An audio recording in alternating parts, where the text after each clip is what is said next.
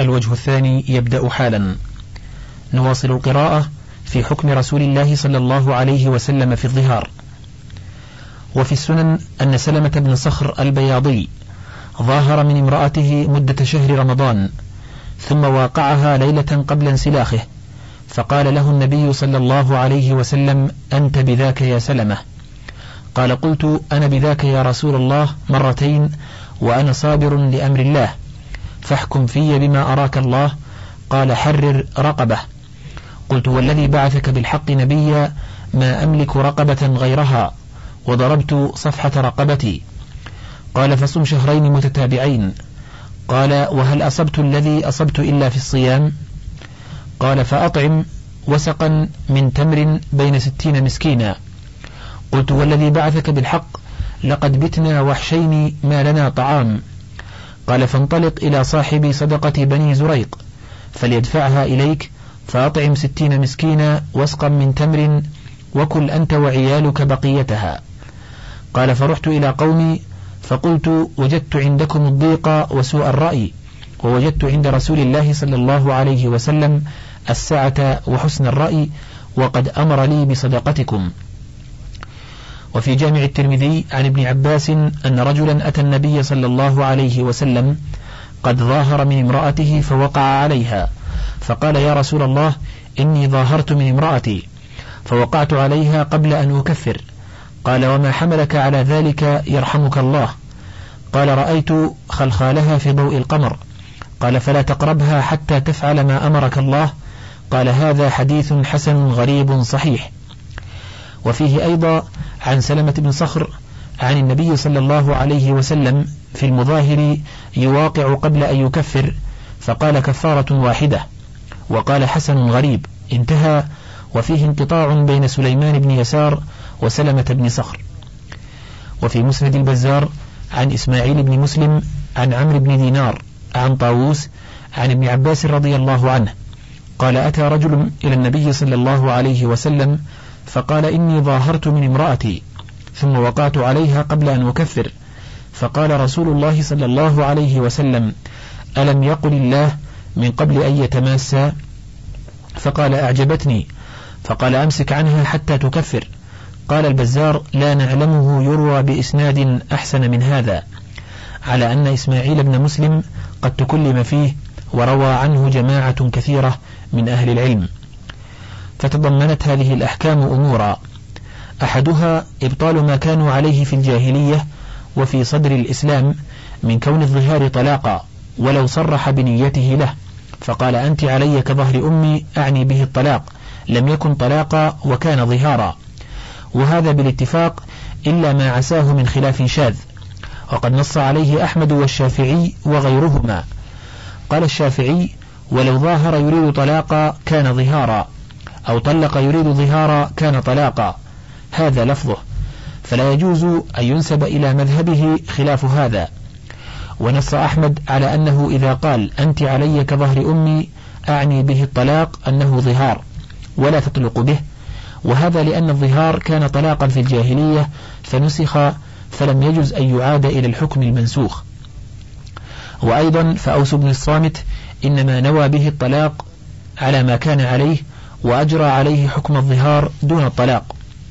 وأيضا فإنه صريح في حكمه فلم يجز جعله كناية في الحكم الذي أبطله عز وجل بشرعه وقضاء الله أحق وحكم الله أوجب.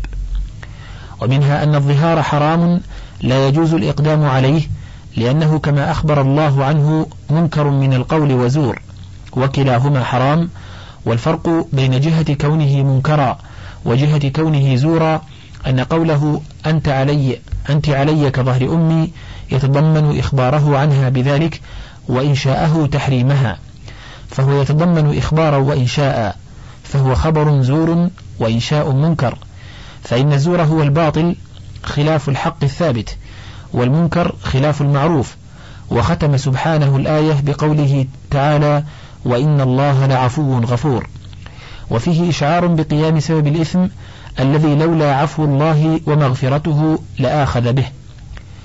ومنها أن الكفارة لا تجب بنفس الظهار وإنما تجب بالعود وهذا قول الجمهور وروى الثوري عن ابن أبي نجيح عن طاووس قال إذا تكلم بالظهار فقد لزمه.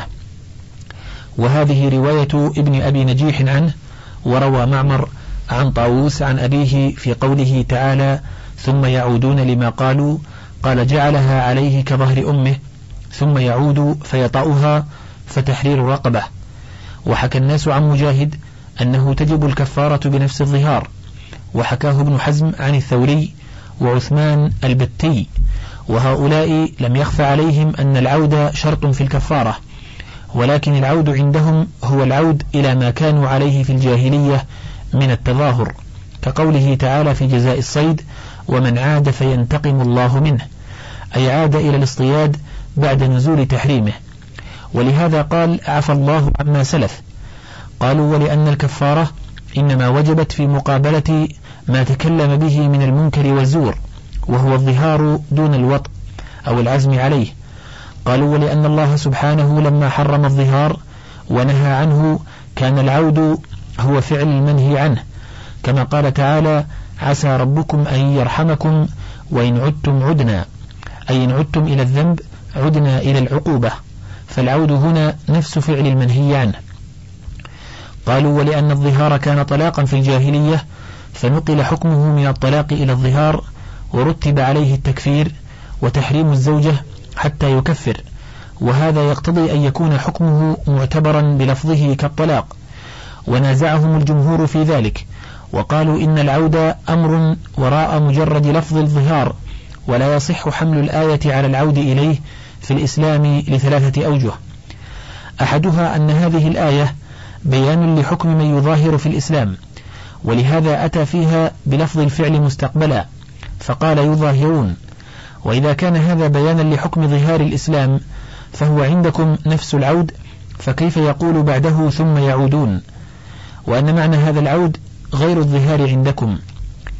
الثاني أنه لو كان العود ما ذكرتم وكان المضارع بمعنى الماضي كان تقديره والذين ظاهروا من نسائهم ثم عادوا في الإسلام ولما وجبت الكفارة إلا على من تظاهر في الجاهلية ثم عاد في الإسلام فمن أين توجبونها على من ابتدأ الظهار في الإسلام غير عائد؟ فإن هنا أمرين ظهار سابق وعود إليه وذلك يبطل حكم الظهار الآن بالكلية إلا أن تجعلوا يظاهرون لفرقة ويعودون لفرقة ولفظ المضارع نائبا عن لفظ الماضي وذلك مخالف للنظم ومخرج عن الفصاحة. الثالث أن رسول الله صلى الله عليه وسلم أمر أوس بن الصامت وسلمة بن صخر بالكفارة ولم يسألهما هل تظاهرا في الجاهلية أم لا. فإن قلتم ولم يسألهما عن العود الذي تجعلونه شرطا ولو كان شرطا لسألهما عنه. قيل أما من يجعل العود نفس الإمساك بعد الظهار زمنا يمكن وقوع الطلاق فيه فهذا جار على قوله وهو نفس حجته. ومن جعل العود هو الوطأ والعزم قال سياق القصة بين في أن المتظاهرين كان قصدهم الوطء وإنما أمسكوا له وسيأتي تقرير ذلك إن شاء الله تعالى. وأما كون الظهار منكرا من القول وزورا فنعم هو كذلك ولكن الله عز وجل إنما أوجب الكفارة في هذا المنكر والزور بأمرين به وبالعود كما أن حكم الإيلاء إنما يترتب عليه وعلى الوطء لا على أحدهما. فصل وقال الجمهور لا تجب الكفارة إلا بالعود بعد الظهار. ثم اختلفوا في معنى العود هل هو إعادة لفظ الظهار بعينه أو أمر وراءه. على قولين فقال أهل الظاهر كلهم هو إعادة لفظ الظهار ولم يحكوا هذا عن أحد من السلف البتة وهو قول لم يسبقوا إليه. وإن كان هذا الشكاة لا يكاد مذهب من المذاهب يخلو عنها. قالوا فلم يوجب الله سبحانه الكفارة إلا بالظهار المعاد لا المبتدأ. قالوا والاستدلال بالآية من ثلاثة وجوه. أحدها أن العرب لا يعقل في لغاتها العود إلى الشيء إلا فعل مثله مرة ثانية. قالوا وهذا كتاب الله وكلام رسوله وكلام العرب بيننا وبينكم. قال تعالى ولو ردوا لعادوا لما نهوا عنه. فهذا نظير الآية سواء في أنه عد فعل العود باللام وهو إتيانهم مرة ثانية بمثل ما أتوا به أولا. وقال تعالى وإن عدتم عدنا أي إن كررتم الذنب كررنا العقوبة. ومنه قوله تعالى ألم تر إلى الذين نهوا عن النجوى ثم يعودون لما نهوا عنه؟ وهذا في سورة الظهار نفسها. وهو يبين المراد من العود فيه فإنه نظيره فعلا وإرادة والعهد قريب بذكره. قالوا وأيضا فالذي قالوه هو لفظ الظهار. فالعود إلى القول هو الإتيان به مرة ثانية لا تعقل العرب غير هذا. قالوا وأيضا فما عدا تكرار اللفظ إما إمساك وإما عزم وإما فعل وليس واحد منها بقول فلا يكون الإتيان به عودا. لا لفظا ولا معنى ولأن العزم والوطأ والإمساك ليس ظهارا فيكون الإتيان بها عودا إلى الظهار. قالوا ولو أريد بالعود الرجوع في الشيء الذي منع منه نفسه كما يقال عاد في الهبة لقال ثم يعودون فيما قالوا كما في الحديث العائد في هبته كالعائد في قيئه. واحتج أبو محمد بن حزم بحديث عائشة رضي الله عنها أن أوس بن الصامت كان به لمم فكان إذا اشتد به لممه ظاهر من زوجته فأنزل الله عز وجل فيه كفارة الظهار. فقال هذا يقتضي التكرار ولا بد قال ولا يصح في الظهار إلا هذا الخبر وحده. قال وأما تشنيعكم علينا بأن هذا القول لم يقل به أحد من الصحابة فأرونا من الصحابة من قال إن العود هو الوطء أو العزم أو الإمساك أو هو العود إلى الظهار في الجاهلية ولو عن رجل واحد من الصحابة فلا تكونون أسعد بأصحاب رسول الله صلى الله عليه وسلم منا أبدا. فصل. ونازعهم الجمهور في ذلك. وقالوا ليس معنى العود إعادة اللفظ الأول لأن ذلك لو كان هو العود لقال ثم يعيدون ما قالوا لأنه يقال أعاد كلامه بعينه. وأما عاد فإنما هو في الأفعال كما يقال عاد في فعله وفي هبته فهذا استعماله بفي. ويقال عاد إلى عمله وإلى ولايته وإلى حاله وإلى إحسانه وإساءته ونحو ذلك وعاد له أيضا. وأما القول فإنما يقال أعاده كما قال ضماد بن ثعلبة للنبي صلى الله عليه وسلم أعد علي كلماتك وكما قال أبو سعيد أعدها علي يا رسول الله وهذا ليس بلازم فإنه يقال أعاد مقالته وعاد لمقالته وفي الحديث فعاد لمقالته بمعنى أعادها سواء. وأفسد من هذا رد من رد عليهم بأن إعادة القول محال كإعادة الأمس. قال لأنه لا يتهيأ اجتماع زمانين. وهذا في غاية الفساد. فإن إعادة القول من جنس إعادة الفعل وهي الإتيان بمثل الأول لا بعينه. والعجب من متعصب يقول لا يعتد بخلاف الظاهرية.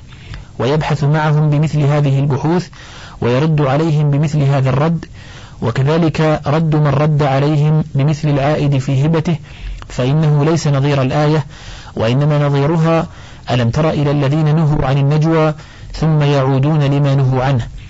ومع هذا فهذه الآية تبين المراد من آية الظهار فإن عودهم لما نهوا عنه هو رجوعهم إلى نفس المنهي عنه وهو النجوى. وليس المراد به إعادة تلك النجوى بعينها بل رجوعهم إلى المنهي عنه وكذلك قوله تعالى في الظهار يعودون لما قالوا أي لقولهم. فهو مصدر بمعنى المفعول وهو تحريم الزوجة بتشبيهها بالمحرمة. فالعود إلى المحرم هو العود إليه وهو فعله فهذا مأخذ من قال إنه الوطء. ونكتة المسألة أن القول في معنى المقول والمقول هو التحريم والعود له هو العود إليه. وهو استباحته عائدا إليه بعد تحريمه. وهذا جار على قواعد اللغة العربية واستعمالها.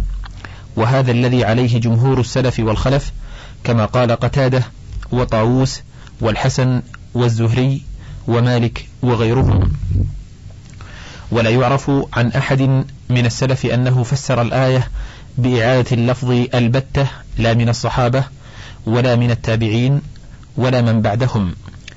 وها هنا أمر خفي خفي على من جعله إعادة اللفظ وهو أن العودة إلى الفعل يستلزم مفارقة الحال التي هو عليها الآن وعوده إلى الحال التي كان عليها أولا كما قال تعالى وإن عدتم عدنا ألا ترى أن عودهم مفارقة لما هم عليه من الإحسان وعودهم إلى الإساءة. وكقول الشاعر وإن عاد للإحسان فالعود أحمد والحال التي هو عليها الآن التحريم بالظهار والتي كان عليها إباحة الوطء بالنكاح الموجب للحل. فعود المظاهر عود إلى حل كان عليه قبل الظهار وذلك هو الموجب للكفارة فتأمله.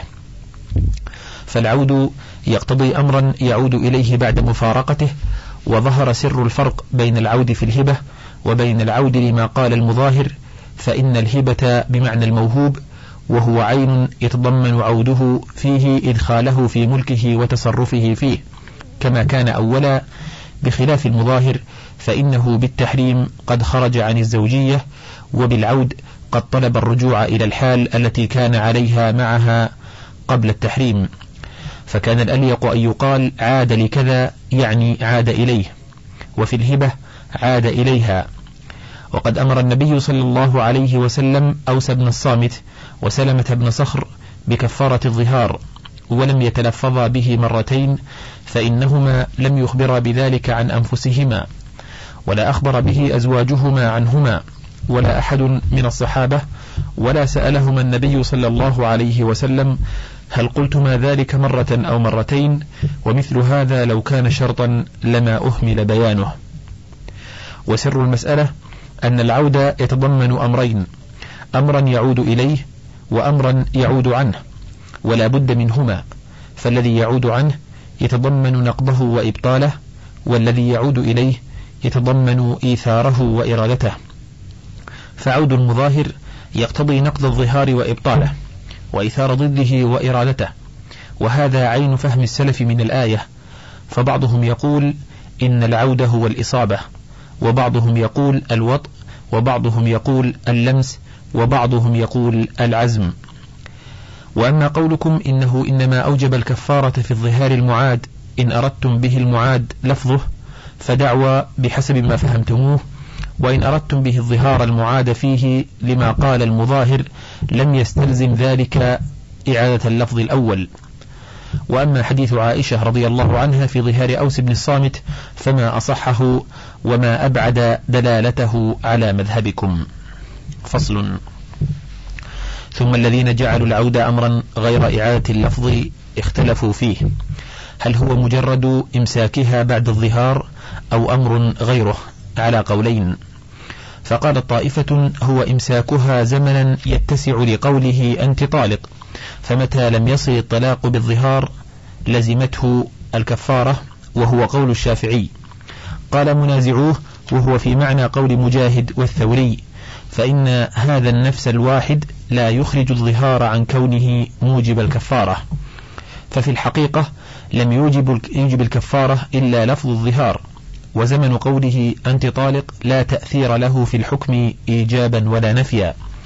فتعليق الإيجاب به ممتنع ولا تسمى تلك اللحظة والنفس الواحد من الأنفاس عودا لا في لغة العرب ولا في عرف الشارع وأي شيء في هذا الجزء اليسير جدا من الزمان من معنى العود أو حقيقته. قالوا وهذا ليس بأقوى من قول من قال هو إعادة اللفظ بعينه فإن ذلك قول معقول يفهم منه العود لغة وحقيقة. وأما هذا الجزء من الزمان فلا يفهم من الإنسان فيه العود البتة. قالوا ونحن نطالبكم بما طالبتم به الظاهرية.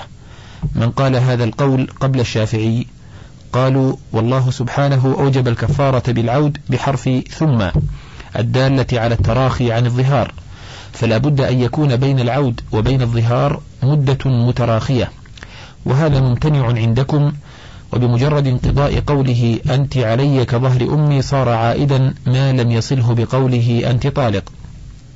فأين التراخي والمهلة بين العود والظهار؟ والشافعي لم ينقل هذا عن أحد من الصحابة والتابعين وإنما أخبر أنه أولى المعاني بالآية فقال الذي عقلت مما سمعت في يعودون لما قالوا أنه إذا أتت على المظاهر مدة بعد القول بالظهار لم يحرمها بالطلاق الذي يحرم به وجبت عليه الكفارة كأنهم يذهبون إلى أنه إذا أمسك ما حرم على نفسه أنه حلال فقد عاد لما قال فخالفه فأحل ما حرم ولا أعلم له معنى أولى بها به من هذا انتهى. فصل. والذين جعلوه أمرا وراء الإمساك اختلفوا فيه فقال مالك في إحدى الروايات الأربع عنه وأبو عبيد هو العزم على الوطء وهذا قول القاضي أبي يعلى وأصحابه. وأنكره الإمام أحمد وقال مالك يقول إذا أجمع لزمته الكفارة فكيف يكون هذا لو طلقها بعدما يجمع؟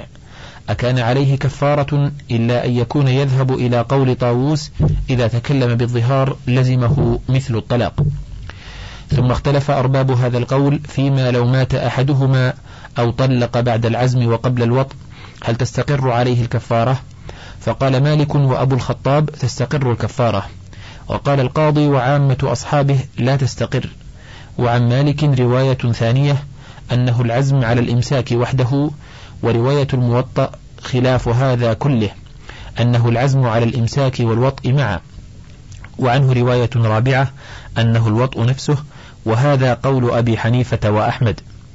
وقد قال أحمد في قوله تعالى ثم يعودون لما قالوا قال الغشيان إذا أراد أن يغشى كفر وليس هذا باختلاف رواية بل مذهبه الذي لا يعرف عنه غيره أنه الوطء ويلزمه إخراجها قبله عند العزم عليه. واحتج أرباب هذا القول بأن الله سبحانه قال في الكفارة من قبل أن يتماسى فأوجب الكفارة بعد العود وقبل التماس. وهذا صريح في أن العود غير التماس وأن ما يحرم قبل الكفارة لا يجوز كونه متقدما عليها. قالوا ولأنه قصد بالظهار تحريمها والعزم على وطئها وهو عود فيما قصده. قالوا ولأن الظهار تحريم فإذا أراد استباحتها فقد رجع في ذلك التحريم فكان عائدا. قال الذين جعلوه الوط لا ريب أن العود فعل ضد قوله كما تقدم تقريره والعائد فيما نهي عنه وإليه وله هو فاعله لا مريده كما قال تعالى ثم يعودون لما نهوا عنه.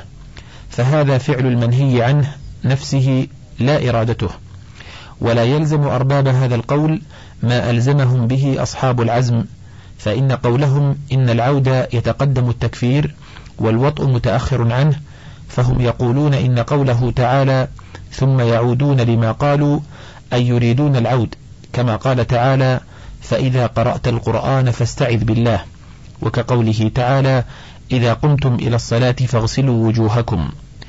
ونظائره مما يطلق الفعل فيه على إرادته لوقوعه بها. قالوا وهذا أولى من تفسير العود بنفس اللفظ الأول وبالإمساك نفسا واحدا بعد الظهار وبتكرار لفظ الظهار وبالعزم المجرد لو طلق بعده. فإن هذه الأقوال كلها قد تبين ضعفها فأقرب الأقوال إلى دلالة اللفظ وقواعد الشريعة وأقوال المفسرين هو هذا وبالله التوفيق. فصل. ومنها أن من عجز عن الكفارة لم تسقط عنه فإن النبي صلى الله عليه وسلم أعان أوس بن الصامت بعرق من تمر وأعانته امرأته بمثله حتى كفر وأمر سلمة بن صخر أن يأخذ صدقة قومه فيكفر بها عن نفسه ولو سقطت بالعجز لما أمرهما بإخراجها بل تبقى في ذمته دينا عليه وهذا قول الشافعي وأحد الروايتين عن أحمد. وذهبت طائفة إلى سقوطها بالعجز كما تسقط الواجبات بعجزه عنها وعن إبدالها. وذهبت طائفة أن كفارة رمضان لا تبقى في ذمته بل تسقط وغيرها من الكفارات لا تسقط.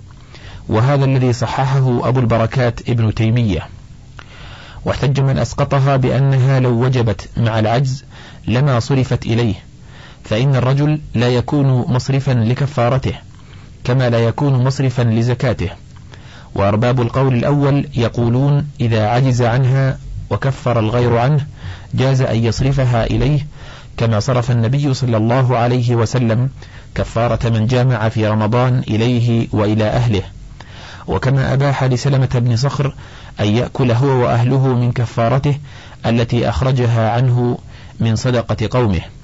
وهذا مذهب أحمد رواية واحدة عنه في كفارة من وطئ أهله في رمضان وعنه في سائر الكفارات روايتان والسنة تدل على أنه إذا أعسر بالكفارة وكفر عنه غيره جاز صرف كفارته إليه وإلى أهله. فإن قيل فهل يجوز له إذا كان فقيرا له عيال وعليه زكاة يحتاج إليها أن يصرفها إلى نفسه وعياله؟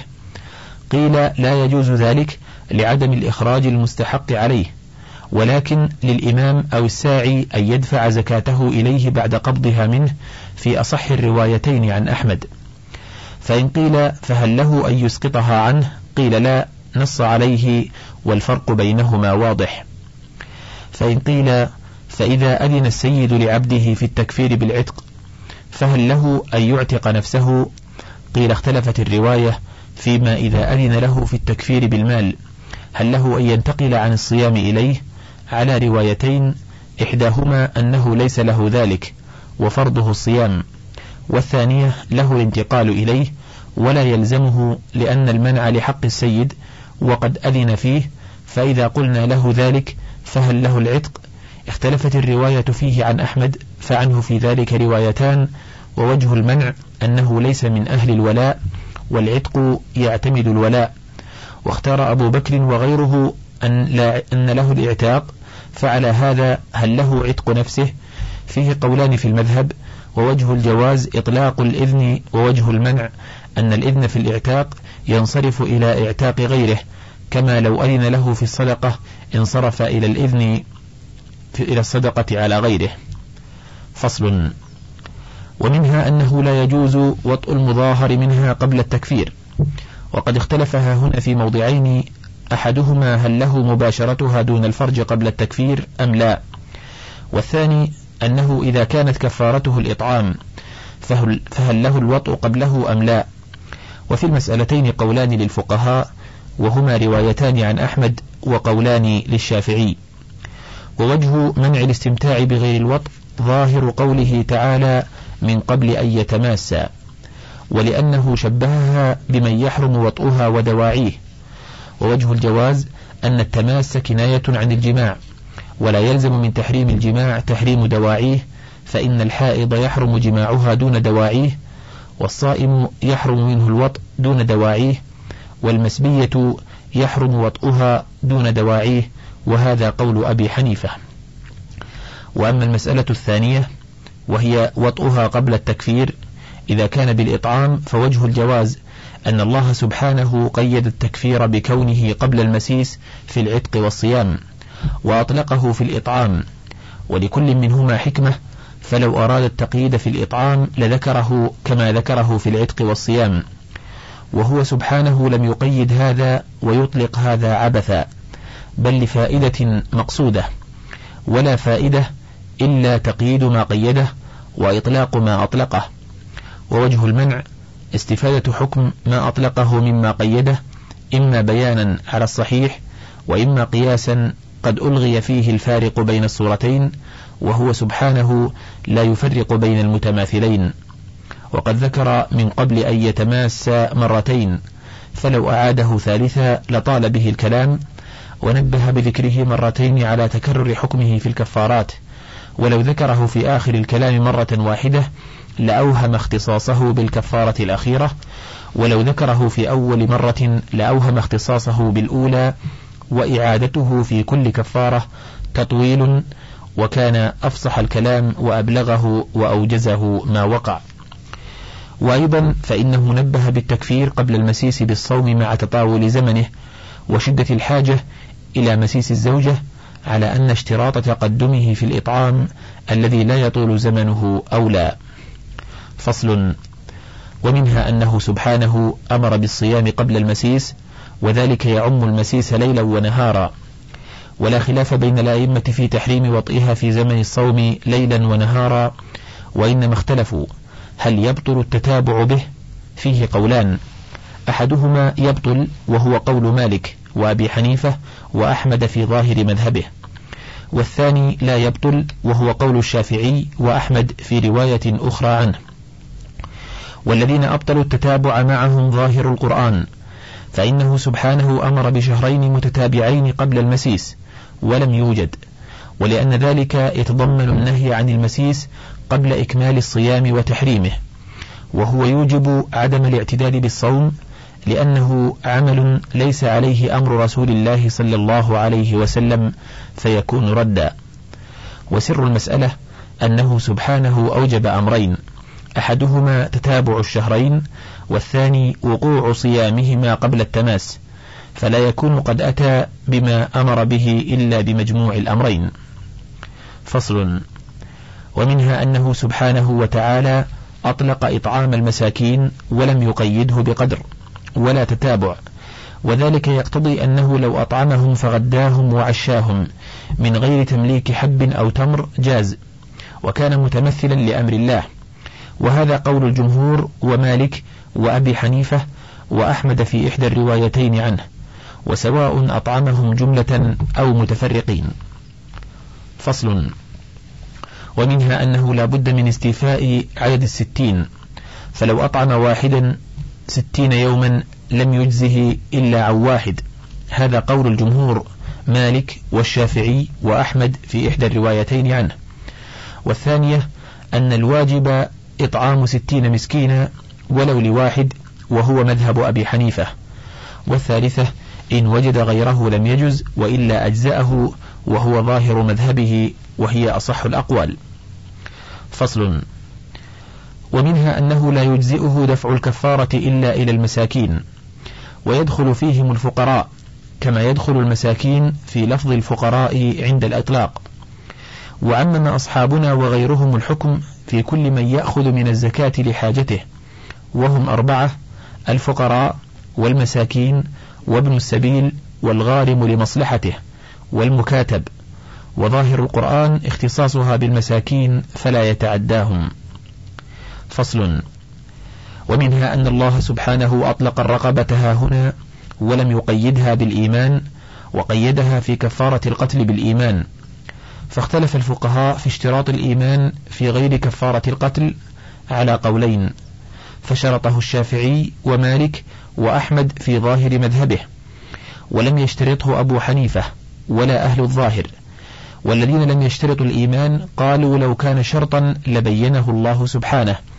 كما بينه في كفارة القتل بل يطلق ما أطلقه ويقيد ما قيده فيعمل بالمطلق والمقيد.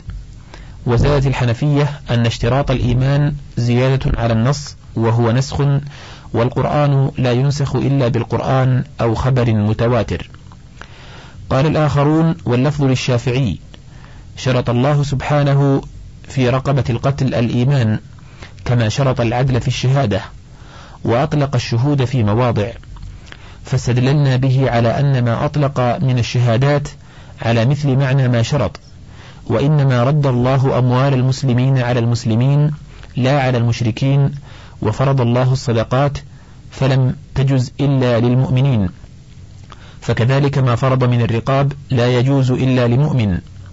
فاستدل الشافعي بأن لسان العرب يقتضي حمل المطلق على المقيد. إذا كان من جنسه فحمل عرف الشرع على مقتضى لسانهم. وها هنا أمران. أحدهما أن حمل المطلق على المقيد بيان لا قياس. الثاني أنه إنما يحمل عليه بشرطين. أحدهما اتحاد الحكم والثاني أن لا يكون للمطلق إلا أصل واحد. فإن كان بين أصلين مختلفين لم يحمل إطلاقه على أحدهما إلا بدليل يعينه. قال الشافعي ولو نذر رقبة مطلقة لم يجزه إلا مؤمنة. وهذا بناء على هذا الأصل وأن النذر محمول على واجب الشرع وواجب العتق لا يتأدى إلا بعتق المسلم.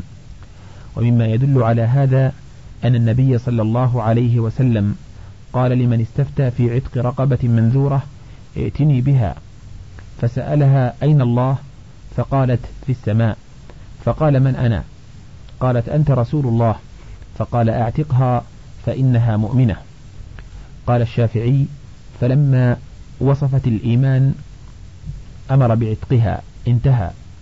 وهذا ظاهر جدا أن العتق المأمور به شرعا لا يجزئ إلا في رقبة مؤمنة وإلا لم يكن للتعليل بالإيمان فائدة. فإن الأعم متى كان علة للحكم كان الأخص عديم التأثير. وأيضا فإن المقصود من اعتاق المسلم تفريغه لعبادة ربه وتخليصه من عبودية المخلوق إلى عبودية الخالق. ولا ريب أن هذا أمر مقصود للشارع محبوب له فلا يجوز إلغاؤه. وكيف يستوي عند الله ورسوله تفريغ العبد لعبادته وحده وتفريغه لعبادة الصليب أو الشمس أو والقمر والنار؟ وقد بين سبحانه اشتراط الإيمان في كفارة القتل وأحال ما سكت عنه على بيانه كما بين اشتراط العدالة في الشاهدين وأحال ما أطلقه وسكت عنه على ما بينه. وكذلك غالب مطلقات كلامه سبحانه ومقيداته لمن تأملها وهي أكثر من أن تذكر فمنها قوله تعالى في من أمر بصدقة أو معروف أو إصلاح بين الناس ومن يفعل ذلك ابتغاء مرضات الله فسوف نؤتيه أجرا عظيما. وفي موضع آخر بل مواضع يعلق الأجر بنفس العمل اكتفاء بالشرط المذكور في موضعه. وكذلك قوله تعالى فمن يعمل من الصالحات وهو مؤمن فلا كفران لسعيه وفي موضع يعلق الجزاء بنفس الأعمال الصالحة اكتفاء بما علم من شرط الإيمان وهذا غالب في نصوص الوعد والوعيد. فصل. ومنها أنه لو أعتق نصفي رقبتين لم يكن معتقا لرقبة. وفي هذا ثلاثة أقوال للناس وهي روايات عن أحمد. ثانيها الإجزاء وثالثها وهو أصحها أنه إن تكملت الحرية في الرقبتين أجزأه وإلا فلا فإنه يصدق عليه أنه حرر رقبة. أي جعلها حرة بخلاف ماذا ما إذا لم تكمل الحرية. فصل. ومنها أن الكفارة لا تسقط بالوطء قبل التكفير ولا تتضاعف بل هي بحالها كفارة واحدة كما دل عليه حكم رسول الله صلى الله عليه وسلم الذي تقدم.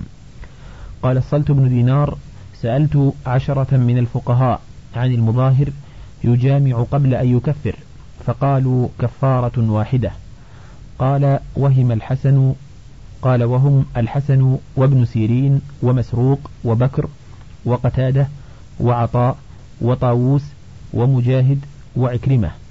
قال والعاشر أراه نافعا وهذا قول الأئمة الأربعة.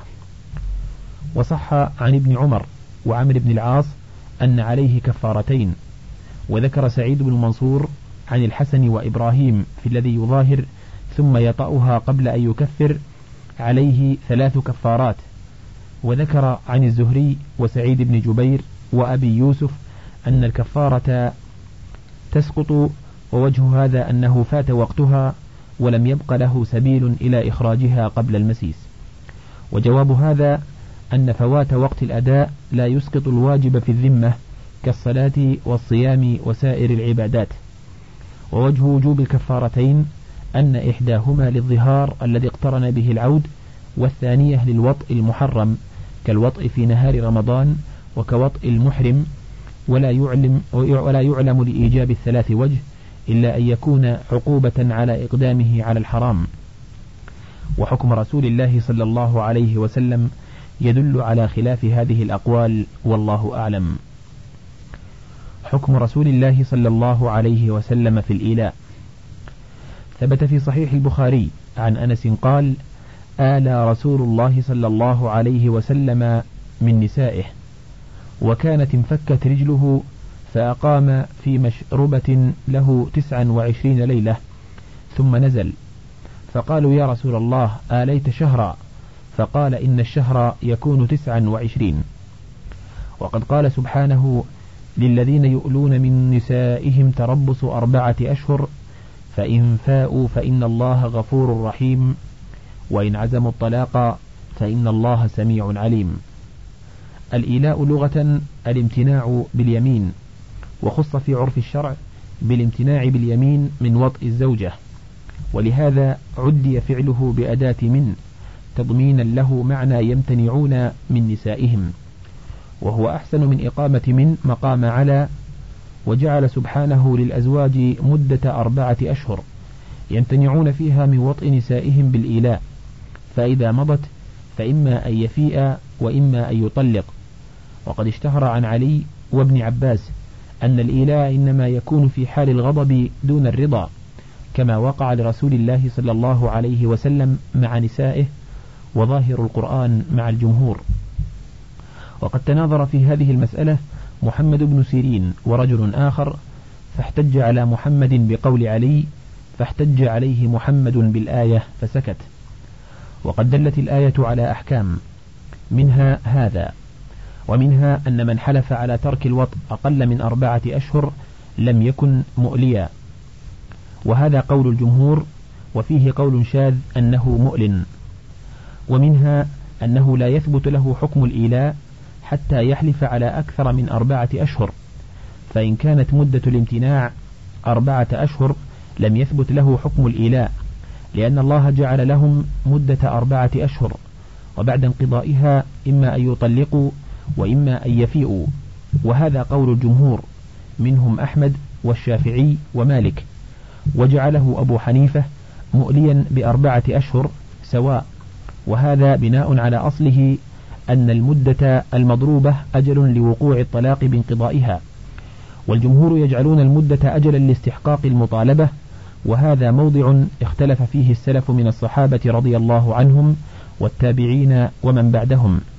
فقال الشافعي حدثنا سفيان عن يحيى بن سعيد عن سليمان بن يسار قال أدركت بضعة عشر رجلا من الصحابة كلهم يوقف المؤلي يعني بعد أربعة أشهر. وروى سهيل ابن أبي صالح عن أبيه قال سألت اثني عشر رجلا من أصحاب رسول الله صلى الله عليه وسلم عن المؤلي فقالوا ليس عليه شيء حتى تمضي أربعة أشهر. وهذا قول الجمهور من الصحابة والتابعين ومن بعدهم. انتهى الشريط الخمسون من كتاب زاد المعاد وله بقية على الشريط الواحد والخمسين.